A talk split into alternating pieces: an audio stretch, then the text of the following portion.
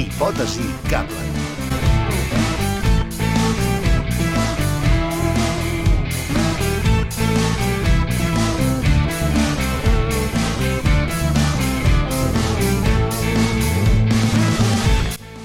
Comencem Hipòtesi Kaplan, un Hipòtesi Kaplan especial quarantena.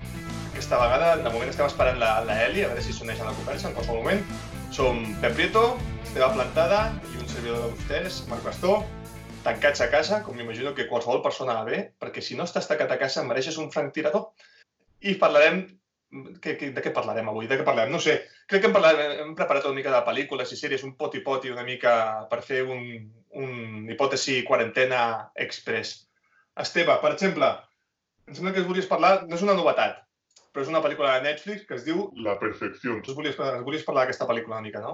Sí, home, és que s'ha de veure. Si estem ara tancats a casa, tenim temps. Si teniu la sort i el privilegi, privilegi de ser d'aquests que podeu tenir temps per veure pel·lis i sèries a punta pala, eh? Jo us recomano La Perfecció, és, una, és molt recent, em sembla que és de fa un parell d'anys, del 2018, i és, aviam, és una pel·lícula que és, que és, un, que és, una, és una bogeria perquè no té cap mena de lògica, però en realitat eh, en té moltíssima de lògica perquè tot acaba, el matxembrat, diguéssim, és bestial.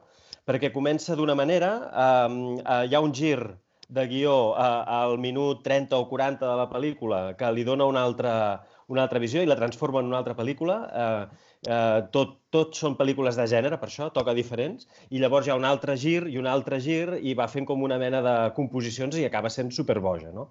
Jo la recomano, no sé... Però què va? Què va? Per explicar de què va. Exacte, és una pel·lícula, és, uh, hi ha una... Bueno, comença, la primera imatge són, és una, una senyora gran que es mor i la seva filla, que l'ha estat cuidant, representa durant 10 anys, era una noia era molt virtuosa de, del cello i que va haver de deixar de tocar el cello per, per aquesta qüestió de cuidar la mare malalta, etc etc. Fins que es retroba amb el seu professor i a, a l'acadèmia on havia estat ella eh, estudiant, amb una altra noia més o menys de la seva edat, que, que també és un prodigi, que és una gran estrella, una gran, una gran intèrpret de cello. I aquí eh, s'estableix una relació entre elles dues, no? que hi ha com una mena d'atracció i d'estira de, i arronsa, de fascinació, que eh, no sé si fins a quin punt podem fer spoilers avui, perquè em sembla que la consigna és no fer-ne gaires. Avui però, millor que no. Avui millor que no. Però el tema és que aquesta relació... Excepcionalment. De, aquesta relació de fascinació acaba, bueno, acaba, no, comença a patir alguns sotracs bastant considerables quan eh, una es pensa justament, ara que estem en època de virus i pandèmies, la, la, que, la que és l'estrella ara del moment es pensa en un viatge a la Xina, crec recordar que és a la Xina justament, que ha tingut un... que, que, que ha estat contagiada per un virus i comença a fer coses molt rares, veu un, una mena de, de, de, de cucs que li surten del cos, etc. no? Té visions d'insectes. Exacte. Eh, sí, sí, sí. té aquestes molt, visions... Molt fastigoses però sembla que sigui realment un contagi o que, o que s'ha pres alguna cosa i no li ha sentat bé, no ho sabem, no? Fins que hi ha aquest primer gir de guió, que no diré, i si el voleu dir, dieu-lo vosaltres a, a pagant el preu, que, que realment, que realment li fa, li fa, fa canviar la perspectiva de la pel·lícula fins que torna a haver-hi una altra i una altra i la cosa va tornant-se més boja cada vegada i acaba sent una cosa bastant bé. De fet, les escenes finals, els últims 15 minuts, no, és que no vull dir massa coses, no? però el tema amputació és, bastant, aquí. és bastant tremendo. Aquí, aquí. No, I, i, té un tros d'actriu, que és l'Alison Williams, de, Això... de, de, de Samir, que està esplèndida, perquè és ella la que té el mèrit de, de fer creïbles tots aquests girs. Està, està increïble. Sí. És una pel·lícula molt sorprenent, molt. A mi saps què m'agrada? Saps què m'agrada més d'aquesta pel·lícula? El tema de, de com està narrada eh, el punt de vista, el tema de, de, de, de, de la fragmentació temporal, el tema de que t'expliquen primer una cosa que tu creus que és certa, llavors, a partir d'un cert punt, recapitulen, t'expliquen des d'un altre punt de vista, et fa reinterpretar la pel·lícula, i la pel·lícula cada 15 o 20 minuts va canviant de to, i va canviant, va canviant de direcció. I, de fet, a partir d'aquesta aquest, fragmentació del punt de vista, es converteix en absolutament imprevisible, que és el que m'agrada molt. Tu veus que allò cada cop va pitjor, a pitjor en el sentit de que allò no pot acabar bé que allò anirà, eh, serà, serà una sagnia i serà un, una matança, segur. Però no saps quin camí seguirà, perquè te'l van canviant cada vegada. Aquest, aquest primer gir, no?, en aquella carretera polsegosa de, de, de la Xina, eh, que hi ha un moment que les dues noies van en un autobús i passa una certa cosa i acaben fora de l'autobús i hi ha, hi ha un... Menció especial al conductor de l'autobús. Sí, que no l'entenem, però que és bestial. És bestial el personatge, sí, sí. Això ja no ho recordo, veus? Jo aquests detalls no els recordo, perquè tinc molt mala memòria. Però sorprèn perquè en un segon visionat t'adones que moltes de les coses d'aquests girs tan imprevisibles, estic d'acord amb el Marc, eh, estan bastant insinuats. El que passa Sí, sí, que, sí, clar, sí. Com que tu li atorgues Sí, la, a la pel·lícula la propietat d'anar fent una història lineal, no hi caus que tot això passarà. De fet, Pep, això que dius, quan ho, quan ho revisites i, i fas enrere, fins i tot veus que són obvis. Dius, Sí. sí. hòstia, me'ls estava anunciant d'una manera... Però clar, com que no t'ho esperes en el moment i t'ho vas trobant, té, realment té molta gràcia, sí, sí. S'ha acabat. S'ha És tot, el que vol, és tot el que voleu parlar d'aquesta pel·lícula, perquè jo, jo parlaré dels últims 15 minuts. O sigui, realment, ah, ah, destaquem d'aquesta pel·lícula que és, és valenta en, en el sentit de, de que és absolutament gore i sagnant, de, de, però des d'un des d'un disseny de producció molt elegant. O sigui, realment no és un gore ah, tan fastigós o tan, o, tan, o tan visceral com el que coneixíem, sinó és un, és un gore ah, elegant, que jo crec que és aquesta, aquesta paradoxa, aquest, aquest oxímoron que la fa funcionar molt bé. Bueno, és que té un subtext molt poderós, perquè parla de coses molt bèsties, eh? Molt bèsties. El...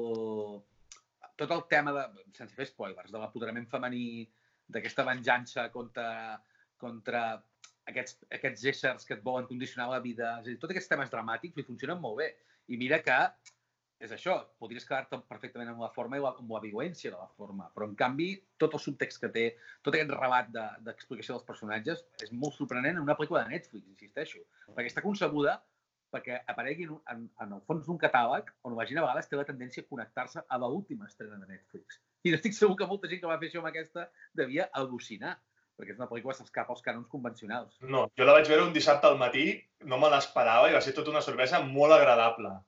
Però, però tu sabies que anava de tema fantàstic o que hi havia aquest part? No, no, no, no. no. jo És tampoc. que, és que jo crec que és la gràcia. Quan, si vas verge del tot amb la peli, perquè clar, comença d'una manera que fins i tot pot semblar un drama, eh, fins i tot romàntic, no? una, una cosa com molt elegant sobre el món de la música. Bé, al principi és així. I clar, eh, quan acabes eh, amb, no sé, és que no sé... Quan ja falten braços i cames, ja comences a Clar, sospitar és- que és allò no que- és tan... És Tan que a, drama. a mi al final em sembla espectacular, no? A més a més, arriba un punt que estàs aplaudint, perquè van passant coses, no? Al principi, el primer aquest gir, dius, ostres, et sorprèn, però quan van passant coses encara més greus i més, i més sagnants, al final aplaudeixes, no? Molt bé, molt bé, doncs fins aquí la perfecció, no? Eh, re- Sí. Mira, fem, fem, fem bé de recordar els títols, perquè això ho fan molts podcasts que diuen un títol de passada, després estan parlant durant, durant molta estona i, i, i, i, quan- han, porten 20 minuts ningú se'n recorda de què estan parlant. La perfecció. No sé el director, és absolutament... O sigui, és fatal, eh? No, no estem donant cap detall tècnic. Bueno, jo, jo vols que doni detall de la perfecció? director. Si entens, sí, va, va, vinga, va. Sí, La perfecció, Richard Shepard és el director i protagonitzada per Alison Williams i Logan Browning. Que, molt Richard fantàstic. Shepard, director d'una pel·lícula que és Matador, amb el Pierce Brosnan, Ah, bé. Amigo, que també era amigo, sí. recomanable i que teniu a Amazon Prime, si us interessa. Vale, vale. Humor negre, no? Un senyor que li agrada l'humor negre, per lo que Sí, veig. senyor. Sí, senyor. Fantàstic, a seguir. Molt bé, Pep, tenim una altra, que aquesta sí que és més novetat, que va entrar en els Oscars. Eh, jo no l'he vist, he dit que no l'he vist, però eh, en tinc moltes ganes, que és Jojo Rabbit.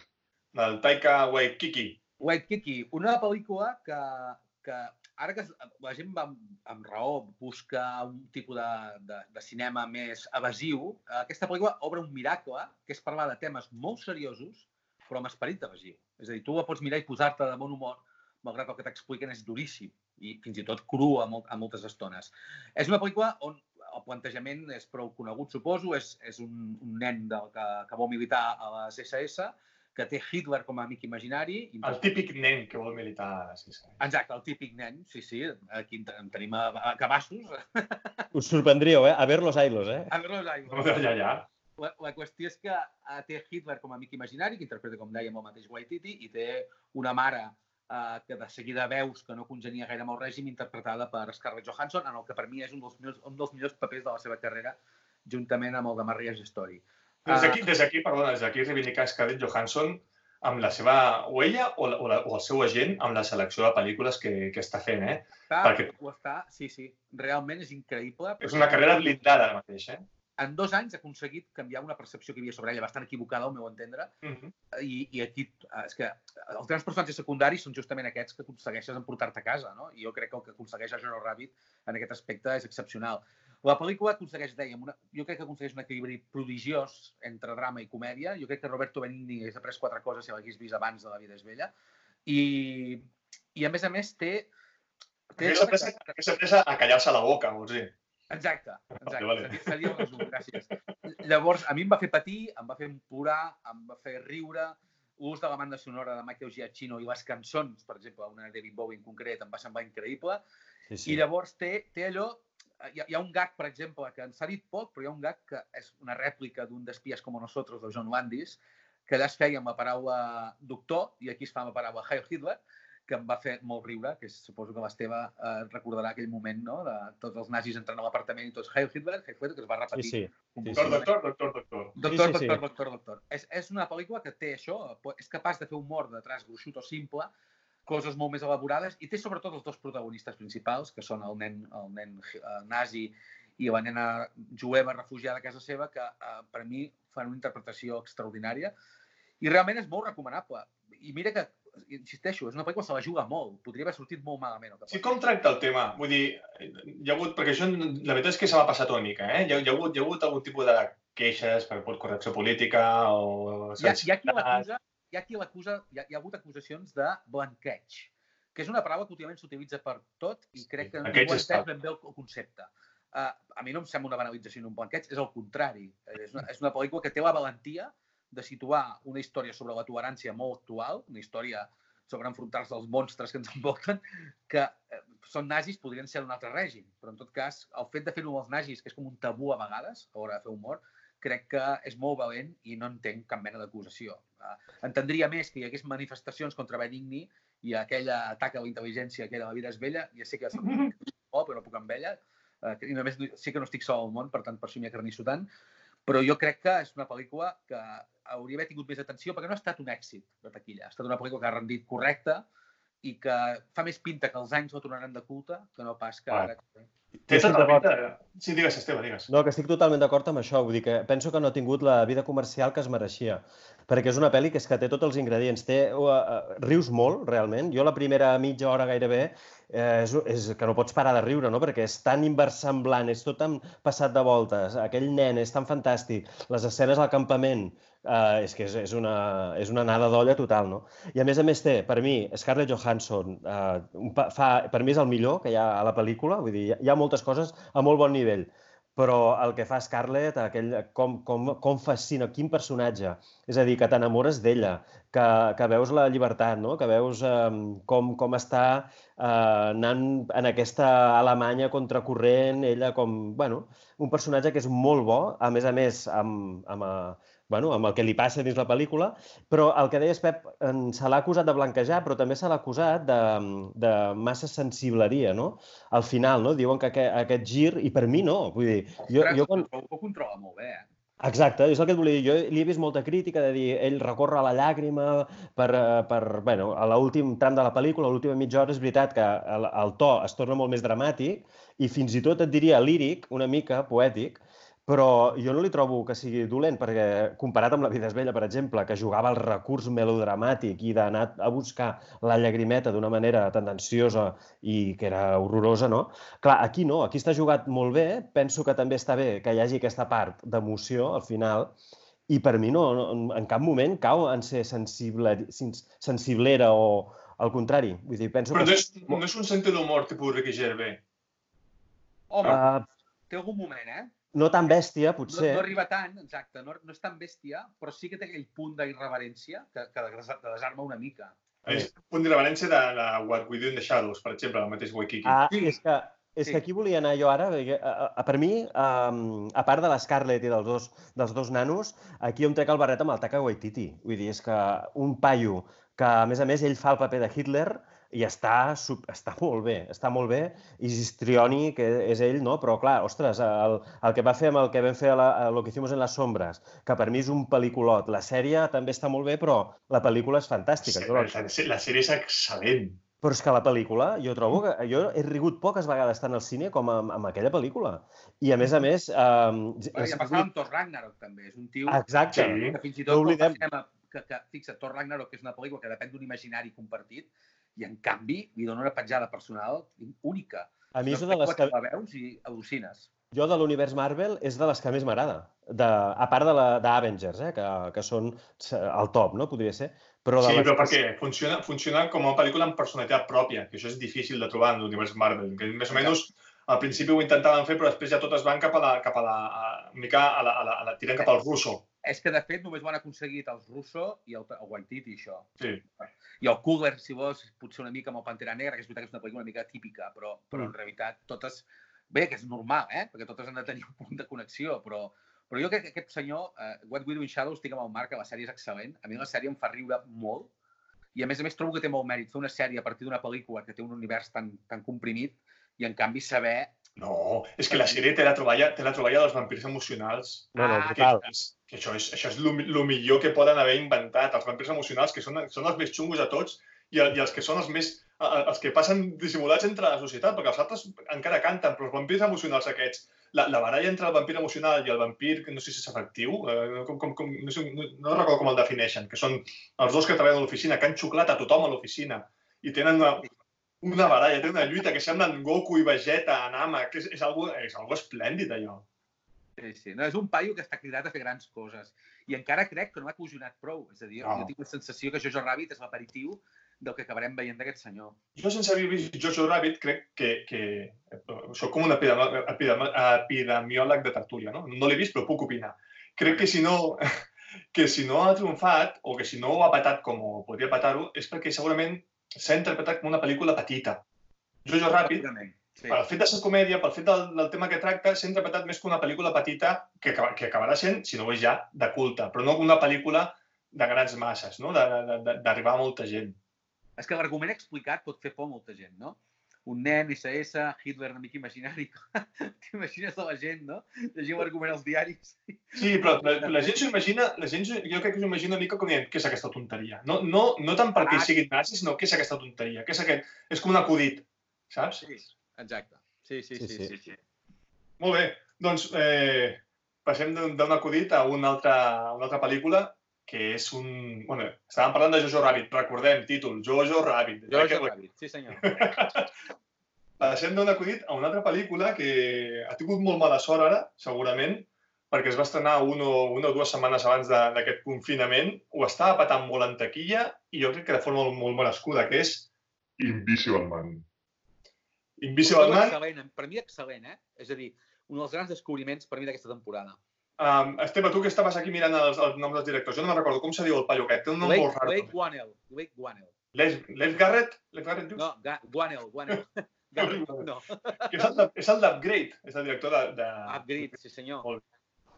Doncs, Invisible Man, una pel·lícula de la Blumhouse, que a priori també pintava molt malament, sincerament, perquè és un remake de l'Hombre Invisible, fora d'aquest Dark Universe que en teoria havia començat l'Universal amb el Tom Cruise, uh, un remake de l'Invisible que semblava innecessari i, a més, amb la, amb la, amb la protagonista de, del conte de la, de la serventa. Estic molt malament de noms i demanaré la vostra ajuda perquè... L'Elisabeth Moss. Elisabeth Moss, la, Elisabeth Moss. la patidora oficial del cinema actual. Patidora oficial. Aquesta és evident que van fer el càsting perquè en aquesta pel·lícula s'ha vingut a patir. Remake no oblideu, Marc, no oblideu que també surt a As, del Jordan Peele. Sí. I Déu-n'hi-do. És, és veritat, és veritat, és veritat. Sí, sí. Doncs, uh, doncs mira, ara que dius As del Jordan Peele, L'Hombre Invisible, un remake que fa molta por i que va en la línia d'As i fins i tot el millora. Jo crec que té un to molt similar a, molt similar a As en aquest, en aquest sentit. Una, una espècie de descripció de, de, de, dels Estats Units de l'actualitat i una espècie de, de, de gir uh, absolutament uh, terrorífic a, a la, al, al nucli familiar tal com l'entenem avui en dia. I és una pel·lícula que parla de forma espectacular sobre eh, el patriarcat, sobre la violència domèstica, la violència intrafamiliar, la violència masclista, eh, eh, parla sobre, sobre la dona i com pateix aquesta, aquesta violència, i ho fa des del fantàstic. Amb la qual i una cosa que jo crec que estem aquí bastant d'acord sempre al Kaplan, el fantàstic serveix per explicar molt millor, infinitament millor, molt dels comportaments i molt de la societat d'avui en dia que moltes vegades aquest hiperrealisme hipertrofiat que, que, que ens trobem uh, uh, en la ficció sovint. Crec que uh, és la pel·lícula perfecta pel 2020 pre, previrus. Previrus, perquè això del virus ha canviat. Però és la pel·lícula perfecta pel 2020. Parlava dels temes que està parlant el 2020. Però, Marc, fins i tot durant el virus, perquè si t'hi fixes, aquesta idea de la, de la reclusió en una casa on et sents amenaçat, perquè al final ella... Sí, no? sí, sí, sí, sí, exacte, sí, sí, és que, exacte, tens, tot, tens tota raó. Bueno, explico una mica de què va l'Home Invisible, perquè si a l'original, la de 1963, amb el, amb el Claude Rains, era un científic que es tornava boig i començava a, a fer descarrilar trens i, i feia la vida impossible a uns, a un, a uns d'una posada i, i, i se'n anava una mica per anar amunt i avall i es treia els pantalons i s'escapava de la policia, aquí la pel·lícula no se centra tant en, en aquest home invisible, amb aquest Hollow Man, no? com la pel·lícula d'Albert Hoven, sinó en la, en la seva parella. En una noia que viu completament esclavitzada per aquest científic, completament lligada a, a, a dintre de casa, tancada dintre de casa, una mica com, com, com al final de la perfecció, en certa manera. Uh, viu tancada en aquesta casa. Aquesta noia intenta trencar el lligament, intenta escapar-se amb una primera escena que crec que, que, és, és, és espectacular, de tensió, tensió màxima, tensió màxima. És la noia intentant escapar-se d'una casa, de casa seva, intentant escapar-se de casa seva. I aquesta noia troba refugi a casa d'un amic policia, però comença a sentir una, una, una presència, una amenaça, que bueno, és evident que és el, la seva exparella, que entraria mort. El científic aquest entraria mort, però ella uh, creu que és la seva exparella. Uh, què passa? Doncs que ningú la creu. Crec que és el, el, el gran...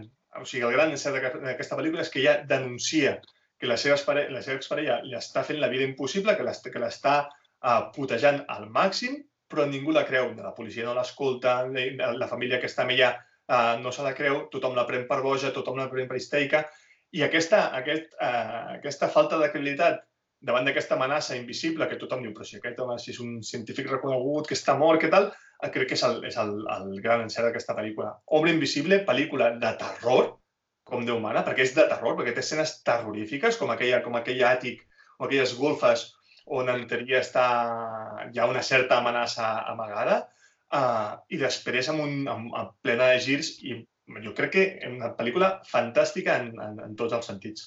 I té una escena que no direm el que hi passa, que és la del restaurant, que em sembla un dels crims millor executats que he vist en una escena, en una pel·lícula d'aquestes característiques. L'escena del restaurant no me l'esperava.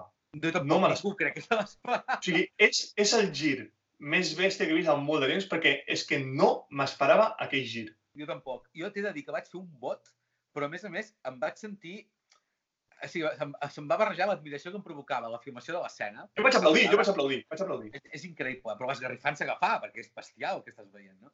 És una pel·lícula única en molts aspectes. Tu ho has dit abans, Marc, és el patriarcat o la toxicitat, no? Perquè al final sí, sí, et, presento, sí. et presenta un personatge que, que està com esclavitzada per la genialitat de la seva parella, no? És aquesta mm. cosa piramidal de que l'home és el geni i, per tant, la dona té un paper més I que ella se n'aprofita, tothom creu que ella se n'aprofita. Ah, exacte. Aquesta lectura que fa és increïble com ella va agafant les regnes, com de mica en mica es va enfrontant al monstre. Crec que és una pel·lícula que... I, i mira, et diré més s'ha fet aquell error que a vegades hem criticat en aquest podcast de pel fet de ser fantàstica se li ha tret legitimitat a vegades per ser una gran metàfora, quan en realitat jo he vist poques pel·lícules amb aquest discurs, amb aquesta profunditat. És a dir, que, que espero que hagi vingut per quedar-se i demostra que Universal, si continua per aquesta línia, té un gran què, eh? Perquè Però això és Universal o és Blumhouse? És, és Blumhouse. És Blumhouse. Però Blumhouse per Universal, no? Ah, no, no, sé. no, forma, no forma part del paraigua. Jo no ho sé, no ho sé, no ho sé. Pot ser, pot ser. Però en tot cas... Parlo des de la ignorància. Eh? ressorgeixin així, em sembla una notícia esplèndida. Sí, sí, és universal, eh? El que passa que ara, ara que dius això, Pep, jo que no l'he vist a la pel·lícula, però sí que haurà d'haver algun moment, un cable, no, no sé quan, que haurem de parlar de Blumhouse, eh? Vull dir, el, que, el que estan fent uh, a nivell de producció, amb quin, quin tipus de pel·lícules estan fent. Quin... Van, tirar, van començar fent un... pel·lícules de, com de, de baix pressupost, però que ha anat molt més enllà d'això, no? perquè estan renovant el, el gènere i estan donant una visió que, que està no, sent... No, i són gaire... pel·lícules... O sigui, l'Hombre Invisible ha, ha costat 7 milions de dòlars només. Eh? És increïble. Doncs Treballen... llueixen en pantalla, eh? Llueixen en pantalla, eh? Per això t'ho dic, que té, el Jason Blum amb això té un, o sigui, és un tio amb unes idees molt clares. Ell fa pressupostos baixos, es garanteix que siguin rendibles abans fins i tot d'arribar a pantalles, i el que fa és un tipus de cinema molt, molt senzill, molt, molt formalista més, perquè coi, la, la, la imatge narra, no, no és una pel·lícula sí, sí. o de... I a més a més recordem que Jason Blum és l'home que ha tornat la confiança en Shyamalan. És, a dir, és el que... És el, el que anava... que va apostar per pel·lícules com Multiple o, o Glass, que segurament fa 10 anys, amb l'estrella Xama més apagada, ningú s'hagués atrevit a produir. I La visita, no te n'oblidis aquesta, que per mi és, és una pel·lícula que ha passat, ha passat molt desapercebuda i és genial. I divertidíssima. Ah, és la comèdia. Un altre, un altre gir memorable. Sí. Exacte. és la comèdia. Jo crec que Jason Blum és, és, el, és el nou William Castle. És l'home que, que ha reformulat el, el terror i, i a més l'ha reformulat i l'ha portat al gran públic, en certa manera, l'ha recuperat pel gran públic. I, i, i, i la, la passada de rosca que, que li fa ara amb l'Hombre Invisible, a més, Ojo, eh? La pel·lícula es diu El hombre invisible, però no és el protagonista l'hombre invisible. L'hombre no ho és. No, la, la passada rosca que li fa jo crec que és, que és, és excepcional. Jo m'ho vaig passar molt bé al cinema. Vaig estar en tensió tota la pel·lícula, pel·lícula que a mi em costa molt estar en tensió en pel·lícules de, de, de terror, però vaig estar en tensió tota la pel·lícula. Té girs espectaculars, té uh, resolucions narratives i de càmera molt xules, molt i molt xules, i va, o sigui, és una de les pel·lícules de l'any sense cap mena de dubte. S'arrisca, i s'arrisca, perquè sense explicar-lo té un final arriscat. Al final és molt xulo, eh? Molt arriscat i molt xulo, molt arriscat. Al, al final mola moltíssim. El veus venir. El veus, sí, el veus venir. El veus venir, però per això mateix t'agrada, perquè estàs esperant-lo. Sí, esperant. sí, sí, sí, però aconsegueix aquell efecte de, de sossec, saps? Dius, sí senyor, no? Està molt. Doncs mira, passem, passem de El hombre invisible, de, tornem a dir el nom del director, perquè a mi no, no se'm queden. Es diu Rick Guanel. Fantàstic, fantàstic. No, no, és, no és el de Shakespeare, però... Hipòtesi Kaplan, un podcast amb més spoilers que oients.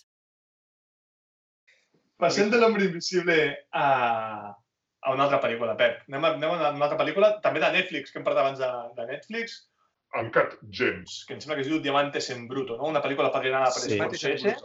Aquí estem dos a un, no? Perquè a l'Esteve li agrada, a mi també, i a tu sí. no. Sí, sí, deixa-li deixa que parli i després ja, ja, li, ja li contesto, ja.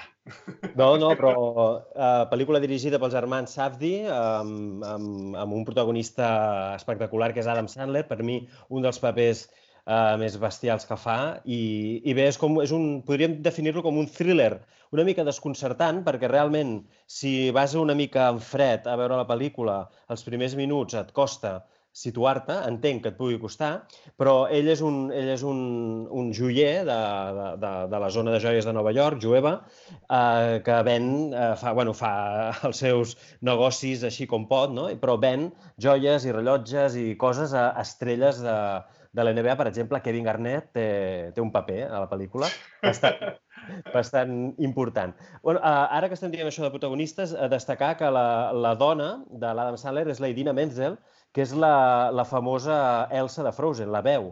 Vull dir, eh, és un altre univers, eh? però és, uh, és com el... Sí un altre univers, completament. Un altre univers, però és com a... Li han vist la cara, no? Ella és actriu, sobretot de musicals en teatre a Broadway, però era com... La pel·lícula també es va promocionar molt per aquesta banda. Dit això, jo crec que és un, com a thriller és una cosa... A mi em fascina, em va fascinar moltíssim també com acaba la pel·lícula i com està aquest, aquesta, aquesta concepció circular gairebé, no? perquè la pel·lícula té aquest inici com que entra a dins, de, entra dins del cos no? I, i passa del que són unes mines a, a, una, a una prova mèdica i al final mm -hmm. també tanca una mica el cercle sense explicar però sí que hi ha aquesta concepció estètica, no? A fer aquest arc narratiu d'una manera molt circular, molt ben pensat. I hi, ha una voluntat, hi ha una voluntat estètica clara la pel·lícula. Totalment. I el thriller, t'agradi o no, jo crec que funciona. Vull dir, el personatge està molt bé, és un, és un tio que no sap si l'odies o, o et cau bé o és... No, jo sí que ho sé. Tu, tu ho saps, no? Però, però, real, però realment eh, el que passa és... Eh, està molt bé, molt ben explicat i... Però no s'ha explicat de què va? Però Sí, eh, que, bueno, no he explicat, he explicat el context i el, el que sí, passa el que, joier, que, que, el joier... Sí. M'avorreix està quan ho expliquen, la pel·lícula. No, però jo us he de dir, jo us he de dir que aquí s'ha dit una cosa que per mi és la clau de la pel·lícula i és el que més m'agrada d'ella. A mi el que m'agrada de la pel·lícula justament és que el personatge no, no em representa gens. És a dir, m'obliguen d'alguna manera a participar de l'odissea moral d'un personatge que em sembla un imbècil. I a mi això és el que m'interessa de la pel·lícula.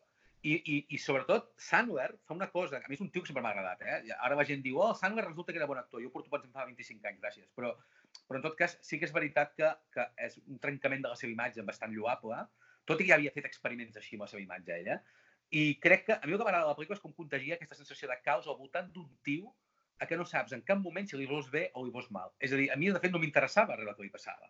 però em generava una estranya fascinació la seva fixació per ficar-se en embolics en jardins.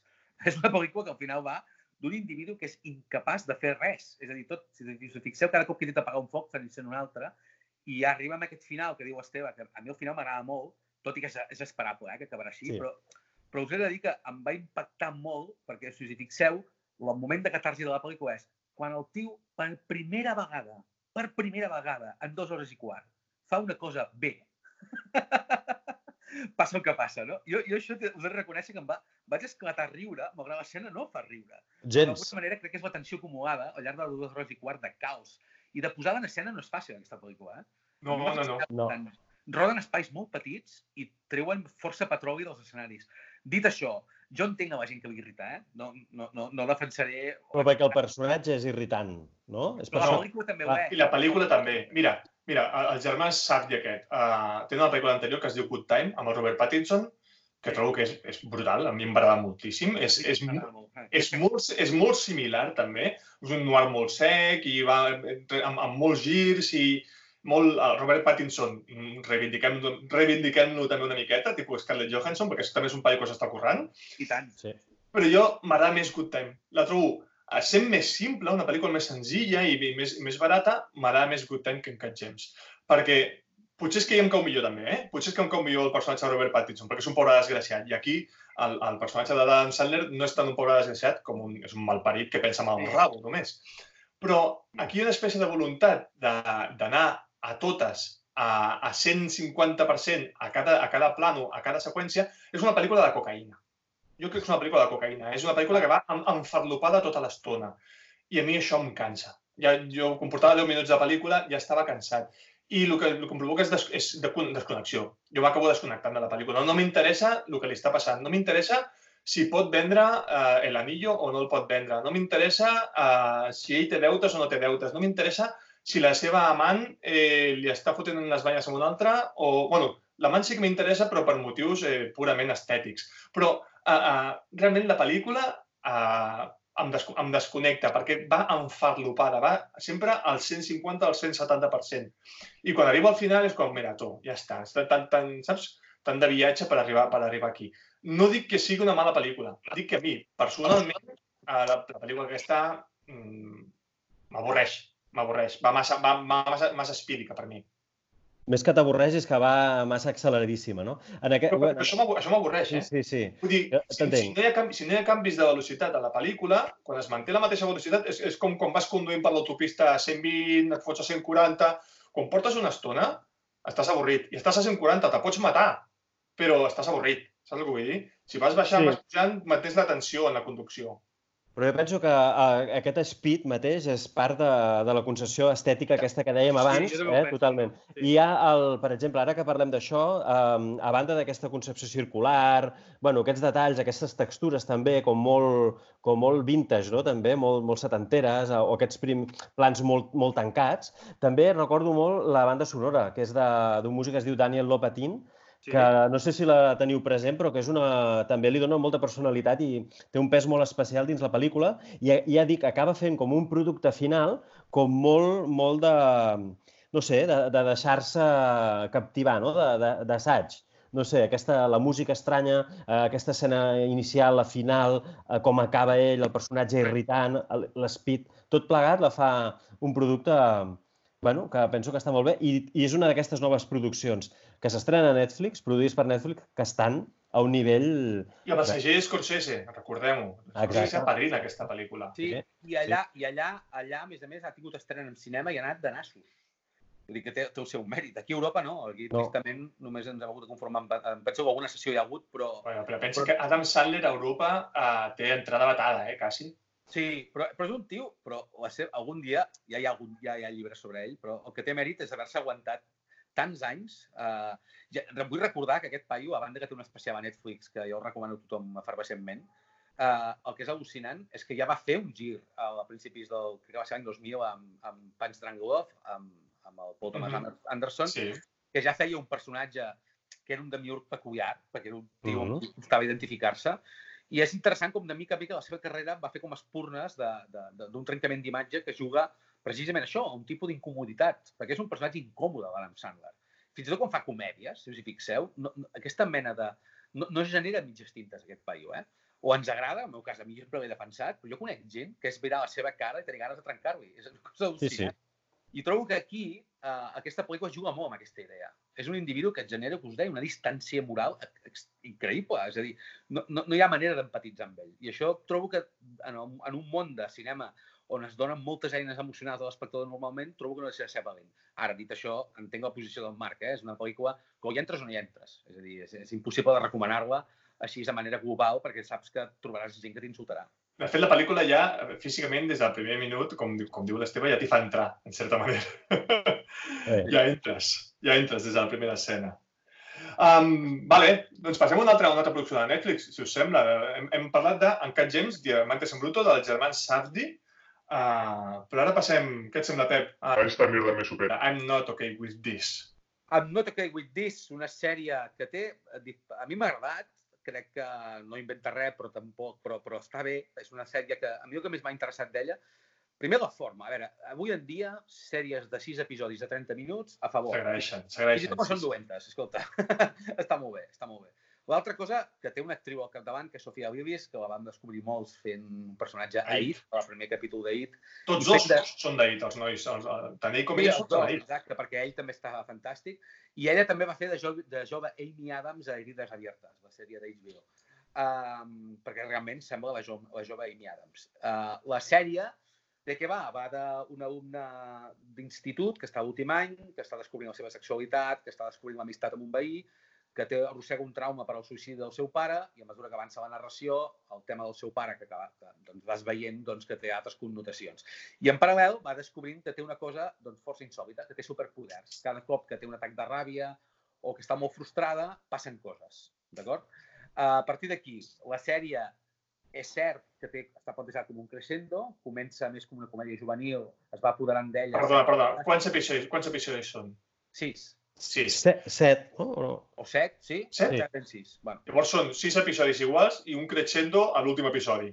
Home, iguals, iguals, a mi no m'ho semblen, eh? Però, a veure, Mm, sí un crescendo lent. Ara, dit això, a mi és una sèrie que el que m'interessa més d'ella, a banda de les seves múltiples referències que van des del Club de Wrestling o a Carrie, perquè juga una mica a germanar les diferents formulacions de, del, del cinema juvenil de les últimes quatre dècades, el que m'agrada més és la descripció dels personatges. Per mi són molt creïbles, eh, que té, té mèrit. Ja passava amb un altre producte d'aquest director, que és The End of the Fucking World, i crec que aquí... Si que s'assembla molt, que s'assembla molt.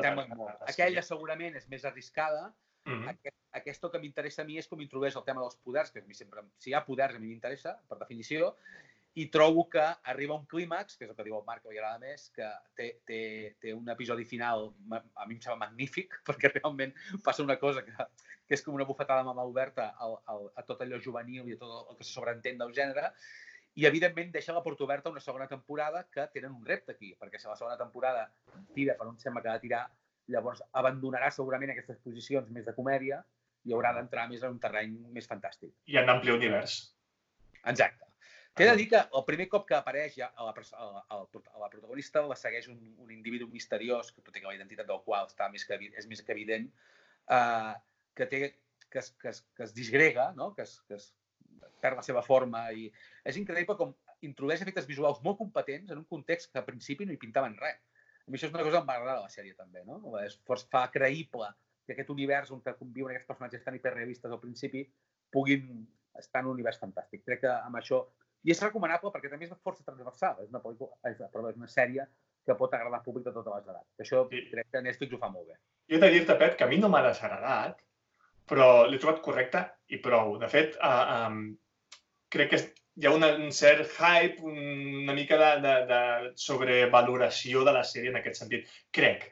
Perquè, uh, primer que no és una sèrie, és una pel·lícula fraccionada en cada 20 minuts.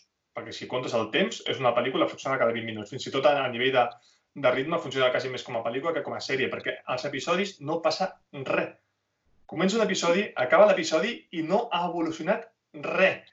Home, la, la història potser no, però els personatges sí, eh? Jo, jo crec que, és el que per això et deia abans que els personatges m'agradaven. La relació de la, de la protagonista amb la seva amiga, que per mi és una de les trames que, que més m'agrada, de, les huma- de, les, de les humanes, vull dir. Jo trobo que sí que la saben fer evolucionar. Una cosa diferent és que hi hagi personatges, això suposo que estaràs d'acord, que no, que no acaben d'integrar-se en, en el... O sigui, quan vol ser coral no li funciona tan bé. No.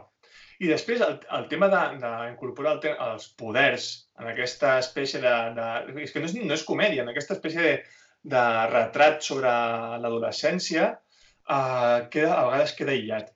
Els poders queden com que ella cada cop que s'enfada rebenta coses, tira llibres, fa volar coses, és mica carri, sí, és, és molt carri, però a vegades queda massa com, com aïllat de tot. Estan explicant moltes coses i els poders apareix puntualment alguna vegada.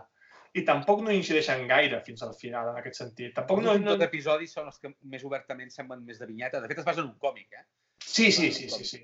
Sí, però per això dic que em funcionaria més com a pel·lícula, en aquest sentit, perquè l'arc com a pel·lícula em funcionaria més, perquè com a sèrie, els tres, quatre primers episodis, no hi ha cap mena de... de, de... No, no avança, és una, és una història que no, que no crec que avanci. Jo crec que és una, és una, estic d'acord, eh, que és una història petita, és a dir, no, no, no, no explica grans coses. Al final, del punt A al punt B, passa, és el que dius, vull dir, tampoc hi ha gaire més a explicar. Noia amb poders, descobreix que té poders i després acaba descobrint que té una vinculació amb el seu passat. Això, al final, és la quintessència de, del propi gènere de superherois. Però també està bé que defugi la idea de ser una sèrie de superherois. En cap sí, moment sí, sí. De fet, té una escena sensacional, que està al tercer capítol, crec, que és quan eh, el, el noi intenta ensenyar a la noia a utilitzar els seus poders aquesta te la compro, aquesta te la compro. En riu molt a cara de, del gènere, no? De com, mm. d'aquesta cosa d'aprens a ser una heroïna i ella, en canvi, que descobrint que no té ni punyetera idea, no? I això a mi em va agradar. Trobo que, trobo que és una sèrie que, a més a més, això pot agermanar generacions d'espectadors, que és un, una, un instrument que, per exemple, Stranger Things, que és una sèrie que es recomana molt per mainada, jo, jo no estic d'acord. A mi no, no em sembla una sèrie infantil, en absolut. En canvi, aquesta sí que crec que la pot veure un públic més jove i connectar-hi d'alguna manera, perquè, a més a més, es parlen frontalment de temàtiques que fins fa poc eren força inèdites en aquest tipus de, de sèries de gènere, no? Vull dir, però vaja, jo crec que si també ha, hi ha hagut un hype és perquè estem poc acostumats a que s'estrenin sèries, ja no et diré bones, sinó correctes. Últimament, a vegades, mm -hmm. passa que la saturació de, de, de, de sèries que punxen o que no agraden, no? Fa que quan, apareixi una, una, quan apareix una sèrie modesta com aquesta, la que la pressupost deu ser ínfima. Sí, no, és barata, és barata. És, és, és, de, és de pel·lícula de Richard Linklater. És, és, és totalment, és totalment, independent, en aquest sentit. Jo crec que tot també l'ha enaltit tant, no? Ara, això sí, com sempre passa amb Netflix, Netflix ara, la propera temporada ja, ja, ja veuràs que la, la, la multiplicarà a nivell de promoció com, com a nivell tècnic, no? Però vaja, jo crec que amb això són molt hàbils. I... Faran un crossover amb Stranger Things, no? Amb la Eleven.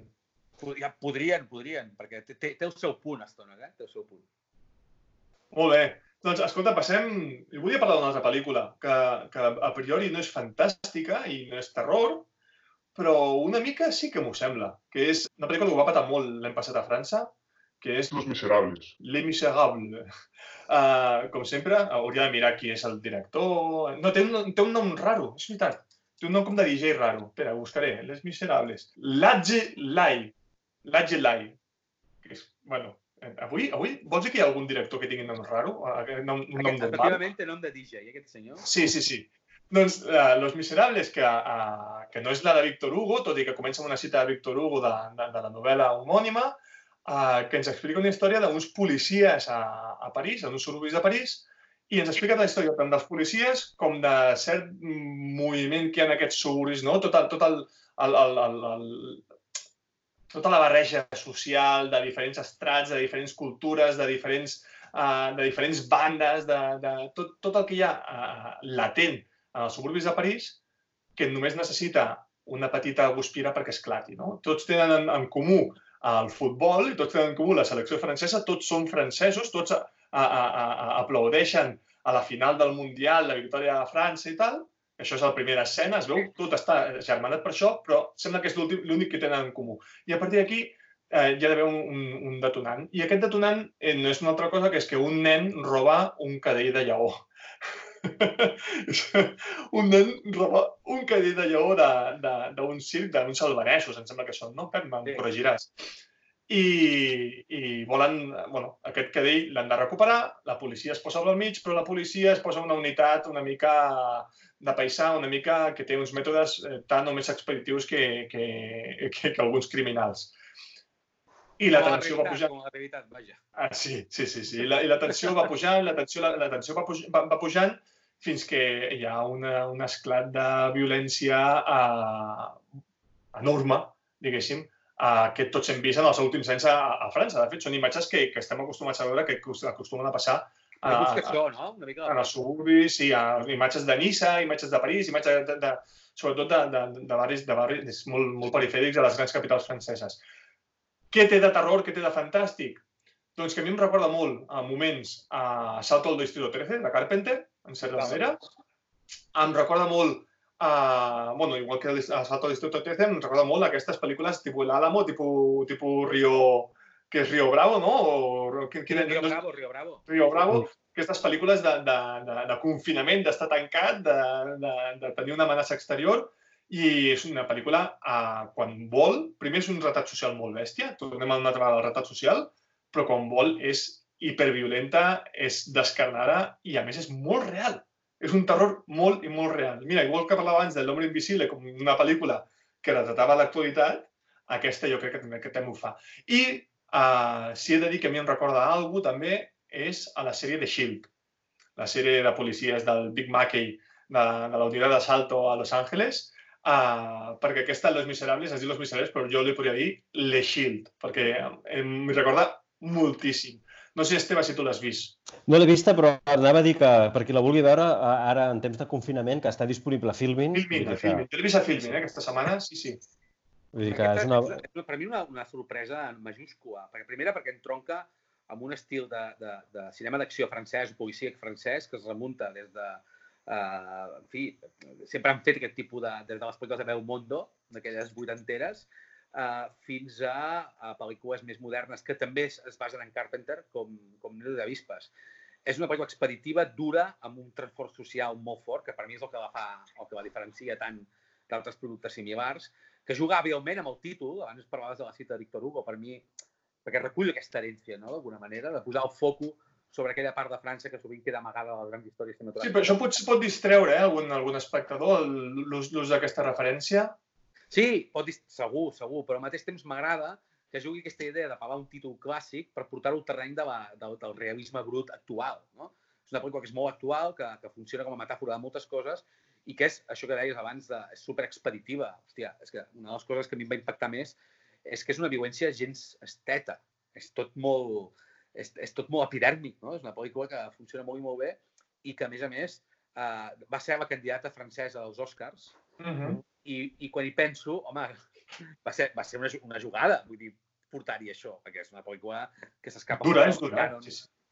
Sí, sí. Potser al final, al final té una aposta per l'ambigüitat que jo crec que no la beneficia, No, això és cert, això és cert. però jo potser que això és l'únic que, em- que em- li podria trobar com a, com a contrapartida, però que vaja, que la pel·lícula és una pel·lícula que funciona com un tiro, que, que passa, passa volant i que, i que té... Aquesta sí que té un crescendo que va a més, a més, a més, a més cada minut. A mi em recorda, tot i que temàticament no se li sembla, però em recorda una altra pel·lícula francesa que es diu Un profeta.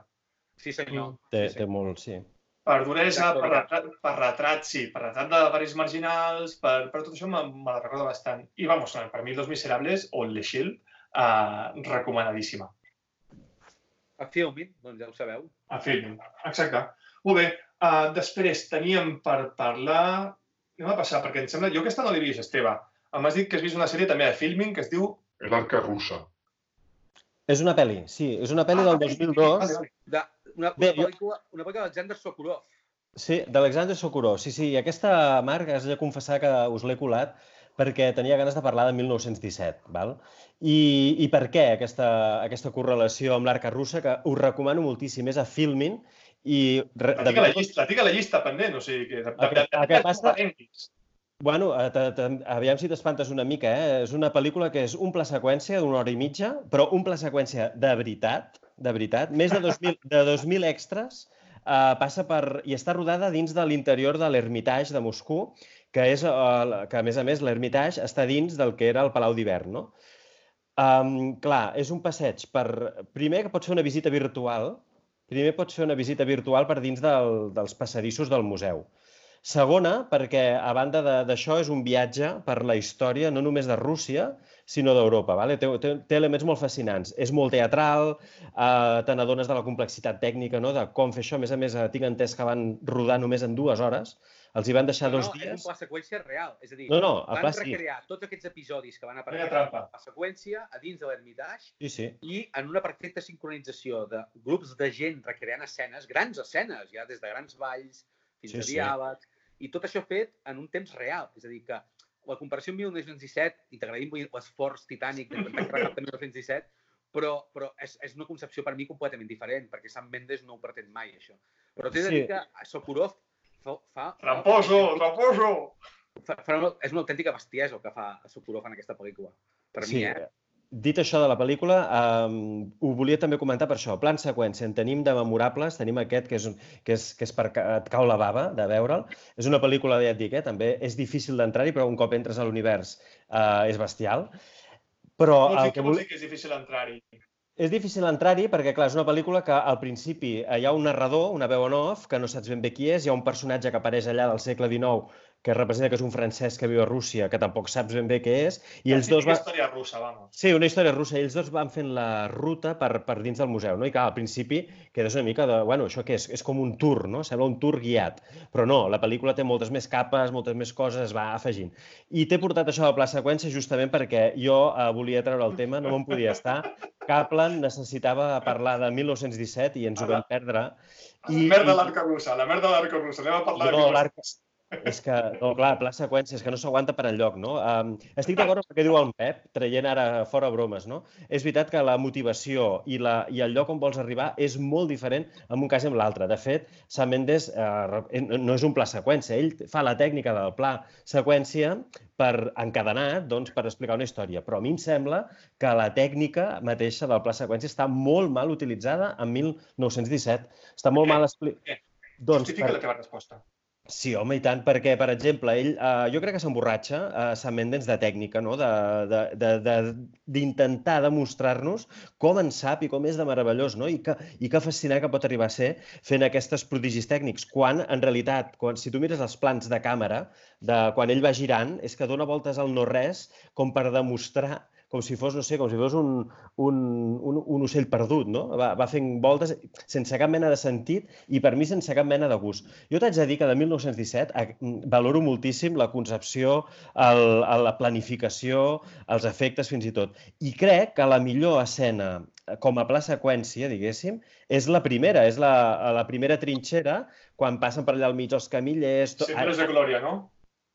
Uh, a mi em sembla fascinant aquella, aquella part, però t'haig de dir que un cop comença tot, trobo que no, que no, que, que descarrila, que descarrila molt. Jo, jo només diré una cosa a 1917, i és que hi ha una acusació que li fan que a mi em fa molta gràcia, i és quan diuen això de...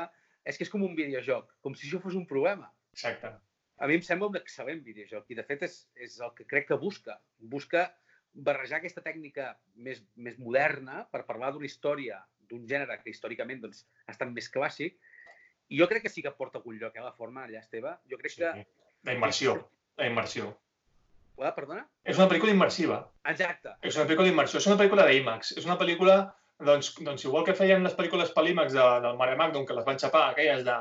Veurem els, els flamencos del Delta de l'Ebre i ens fotem a dintre de, de, de, de l'estol de flamencos, doncs aquesta pel·lícula a dintre de la Primera Guerra Mundial. Ah, jo, jo, personalment, eh, a 1217 hi vaig tenir una, una, una connexió íntima, personal, eh, emocional, completa, eh, del 100% des del primer a l'últim minut. O sigui, vaig, vaig entrar a la pel·lícula, m'hi va fer entrar, el Sam Mendes, m'hi va fer entrar a, a la trinxera, com, com el Kirk Douglas de Centres de Glòria, m'hi va fer entrar a caminar per la trinxera, però és que a partir d'aquell moment, tot el viatge, jo hi entro completament. A, visc la guerra amb ells i, a més, és una pel·lícula que juga a, a, a, tenint un pla seqüència únic, tot i que sigui trampa, el que tu vulguis, però tenint un pla seqüència únic, juga a molts tons diferents, juga a tocar molts colors i juga a tenir escenes de, de, de, de tensió molt diferent, de, de, de ritme molt diferent, amb un sol, una sola eina que és el, la seqüència. O sigui, no és el mateix l'escena de la granja de, del bombardeig de,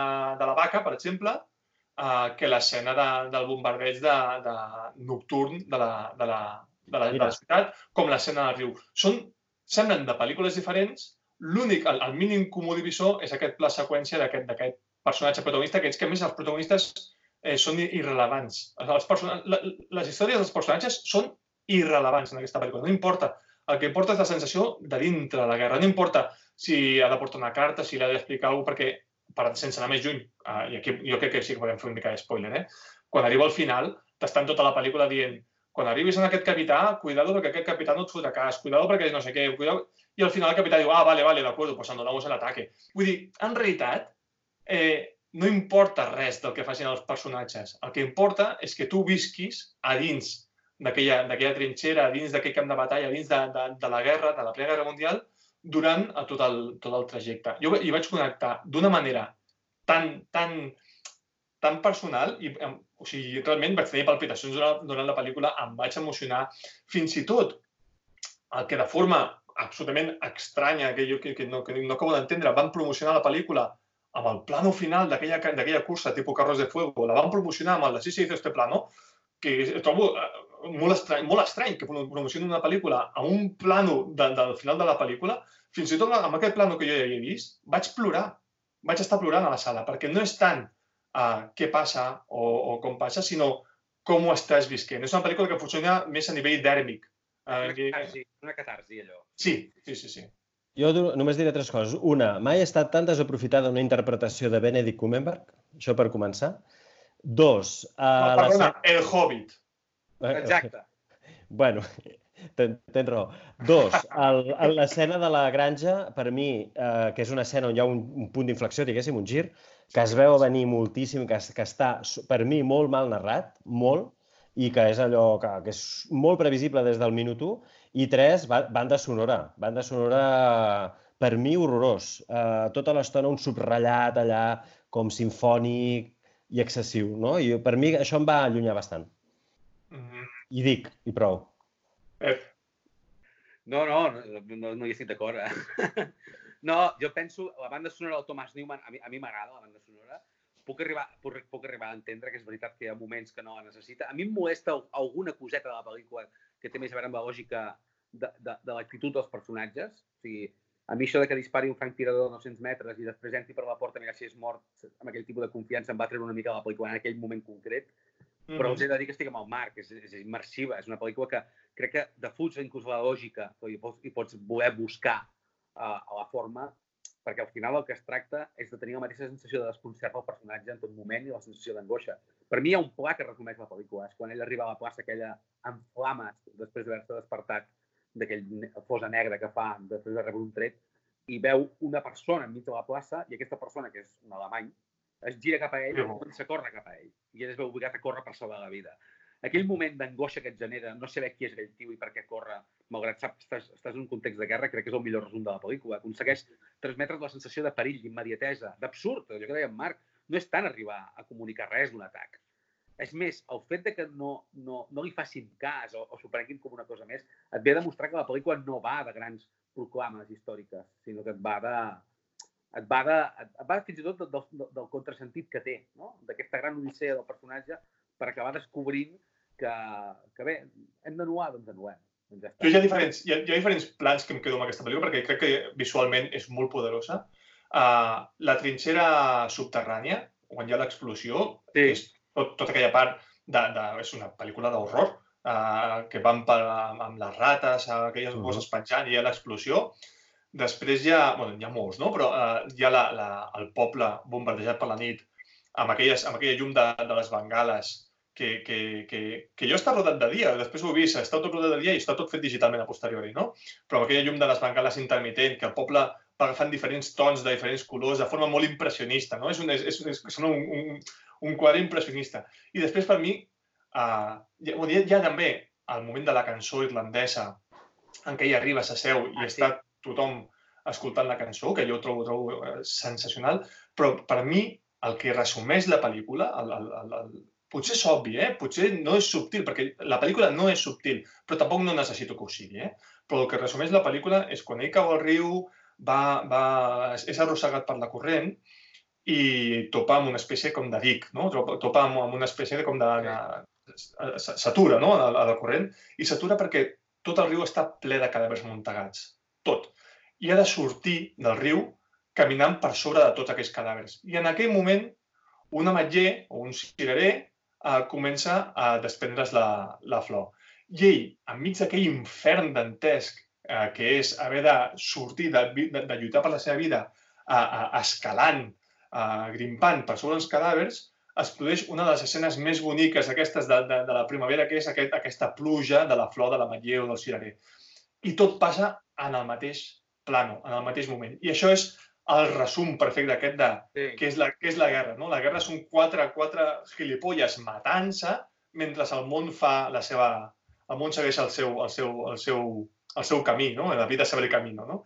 I, i, i trobo, trobo, uh, trobo d'una bellesa plàstica poder-ho condensar així que només perquè el plano val la pena qualsevol altre defecte de la pel·lícula a nivell argumental, el que tu vulguis. Ja et dic, jo en 1917, eh, l'arca russa no sé com és, la veuré demà, si puc, però en 1917 la connexió que he tingut amb aquesta pel·lícula l'he tingut amb molt poques. Segurament és algo personal, eh? A mi la, la Primera Guerra Mundial és un tema que m'atreu molt. Tenint en compte això, Marc, crec que l'arca sí. russa no t'agradarà, eh? T'haig de dir. Bueno, ja farem un altre podcast, llavors. Va, anem, anem, anem enllestint. Va, acabem, acabem, de, acabem de fer el que ens queda que anem pendent, que és a Pep Kingdom, la sèrie de Netflix, segona temporada. Sí, ràpidament, eh? perquè, uh, perquè aquesta sí que val la pena no fer spoilers, tot i que no sé si en puguin fer molts. És una sèrie coreana ambientada a, a, en la societat feudal, on hi ha una plaga, on el rei està uh, està con contaminat eh, i que a partir d'allà vas veient doncs, que aquesta plaga va afectant no només el, el líder de la comunitat, sinó que també la, la ciutadania i, evidentment, acabes veient que és una, un apocalipsi zombi en tota regla. La qüestió és, la primera temporada era una sorpresa, perquè no s'havia vist mai un remat de zombis en un context així. Uh, feia una, una cosa que a mi em semblava pràcticament inèdita, que és equilibrar el drama, el drama medieval, per dir d'alguna manera, el drama, les intrigues palatines. De samurais, fins i tot. Sí, de samurais, un, un, relat, a més, més molt clàssic, rodat amb un esperit molt contemplatiu. Kurosawa.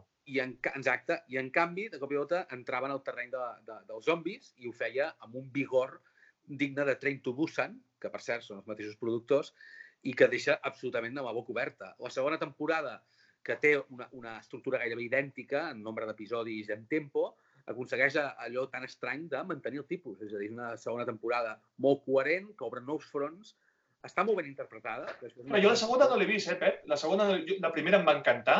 Uh, la segona està al nivell. Hi ha, hi, ha, hi, ha, hi ha escenes que estan, que, que se surten, o sigui, que són de l'obvió del gènere, uh, perquè estèticament també és, és d'una perfecció brillant, però la segona em fa por, he vist el primer episodi, comença pel segon, però em fa molta por entrar-hi per, per si baixa. Jo crec que no baixa. Jo crec que segurament perd l'efecte sorpresa de la primera, perquè ja estàs immers dintre de la, de la posta, però vaja, molt i molt bé. És a dir, és, és, un, és un producte únic en el catàleg de Netflix que té aquesta capacitat de donar una perspectiva molt diferent a un gènere que ja sembla, on ja sembla tot inventat i que torna a tenir aquella força. Jo, jo no he vist escenes de zombis mai com en aquesta sèrie. És a dir, és increïble. Ja, fan, fiquen la por al cos i són veritablement terrorífics. Uh, a més, a diferència de Train to Busan, que em sembla un bon exemple, per cert, aquesta pel·lícula, si la vau veure, està a Amazon Prime, um, allà una de les coses de Train to Busan és que les metàfores són molt òbvies a vegades, no? La, la lluita de classes, l'egoisme dels rics versus la, la, el patiment dels pobres, etc. Aquí, en canvi, trobo que és més subtil aquest relat. Trobo que està molt més ben, molt més ben treballat, la dramaturgia, com que hi ha més temps, és clar, Train to Busan és una pel·lícula de dues hores, aquí hi ha més temps per aprofundir en alguns detalls de la història que normalment no veus reflectits en sèries d'aquest tipus. O sigui que jo personalment la recomano molt i, i a més a més, en temps de confinament, veure-la l'angoixa de ser superior, jo us ho dic ara. Sí. Deixa'm parlar ja per acabar d'una última sèrie, també de Netflix, que no és que sigui res de, de l'altre món, però és una curiositat i jo crec que encaixa amb el Kaplan, que és eh, Blood Raid. Viaje sangriento. És una sèrie antològica, que és una de les coses positives que té, a Noruega, de terror i fantàstic noruec. Eh, són vuit episodis, si no m'equivoco, o sis, o sis, o sis, o sis, sis episodis. Són, són pocs, són pocs. Minuts, sí. sí, són sis episodis de mitja hora cada episodi. És una espècie de Twilight Zone o altres límits, uh, actualitzat, posat al dia. Um... Una mica, una mica Tales from the Crypt, també, eh? Sí, bastant, bastant Tales from, Tales from the Crypt, tens raó. Uh, en què hi ha diferents episodis amb diferents tonalitats, amb diferents temes, amb, eh, toquen, toquen una mica tot el, tot el ventall, què passa amb aquesta sèrie? És que són molt irregulars. Uh, D'aquests sis episodis n'hi ha dos que estan prou bé, prou bé. Els altres quatre doncs, es deixen veure mitja hora d'una sèrie de terror, a mi ja m'està bé, eh? vull dir, per molt que falli, ja m'està bé. Però, però n'hi ha dos que estan molt bé. Un és el primer, amb el qual, si el voleu veure, és el primer de tots, que és una història absolutament clàssica de folk horror amb sacrificis rituals, amb, amb comunitats tancades en el bosc, que tenen una espècie de secret, tal. Aquest, el primer, és, jo crec que és el millor de tota la, de tota la temporada. I després hi ha un altre que, és, eh, que es diu, no sé si es diu Ratolins de laboratori, um, es diu així, que, sí. és, que crec que és una mica Black Mirror, en certa manera, i que funciona... A veure, ja dic, no és res de l'altre món, eh? però és, és, és prou divertit. És prou divertit i és prou... Eh, té, té una atenció ben, ben, ben portada i està, està xulo. Aquest, aquest, aquest està xulo. La resta de la sèrie, doncs hi ha episodis, hi ha algun de, de dolent, de mediocre directament, com el de l'escola antiga, que és un episodi dolent. I el de l'escriptora també, eh? El de l'escriptora... Oh, aquest, aquest és bastant dolent, sí, tens raó. Aquest té una raó. bona idea, però i prou. No, no, la, la volen portar molt, molt, molt enllà, molt enllà, però no, no, no. no. És, és, l'últim- és vergonyós. slasher, que té a veure amb una venjança en una oficina, que a mi, a mi aquest sí que em va agradar. Vaig trobar que tenia... L'últim és un slasher amb, amb màscares d'animals, que això sempre funciona. Sí, I llavors ens faltaria un. Quin és l'altre? Perquè tenim el folk horror, l'escriptora... Ah, els germans, els dos germans. Ah, oh, bueno, aquest, aquest està prou. Aquest Anthony. encara, sí. Tot i que Aquest està... és patillero, perquè el punt de vista el manipula d'una manera extraordinària. No, no, no, sí, Però sí. s'ha de reconèixer que l'efecte que provoca l'escena de, de, la- del torture porn, diguem, i una escena Sí. de tortura, que és molt eficaç. Estàs pensant, però què coi està passant aquí? No, no entens res, no? Sí, Està- però es deixa veure. És a dir, Blood Ride és una sèrie que si no tens res més a fer, si no has, de, no has quedat ningú, no has de sortir fora, no, no has d'anar a passejar, uh, doncs t'a- t'arregla t'arregla una tarda, la veritat. Sí, i la veus ràpid, exactament. Exacte. Molt bé, doncs jo crec que fins aquí el Kaplan. Em sap greu que l'Eli no hagi pogut entrar, ha tingut problemes tècnics. Uh, sempre, sempre fem una espècie de guaret, no? Sempre hi ha algú que falla en aquest, en aquest podcast.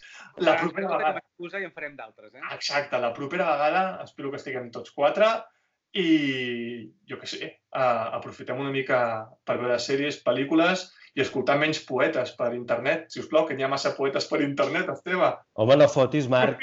Per una vegada que surten els poetes, deixa'ls. Que surtin, disfrutin. No, no, si sortir no surten, el problema és que no surten. Ja sortiran, que ara ve el bon temps. Molt bé, escolteu, bon apocalipsi a tots. Igualment.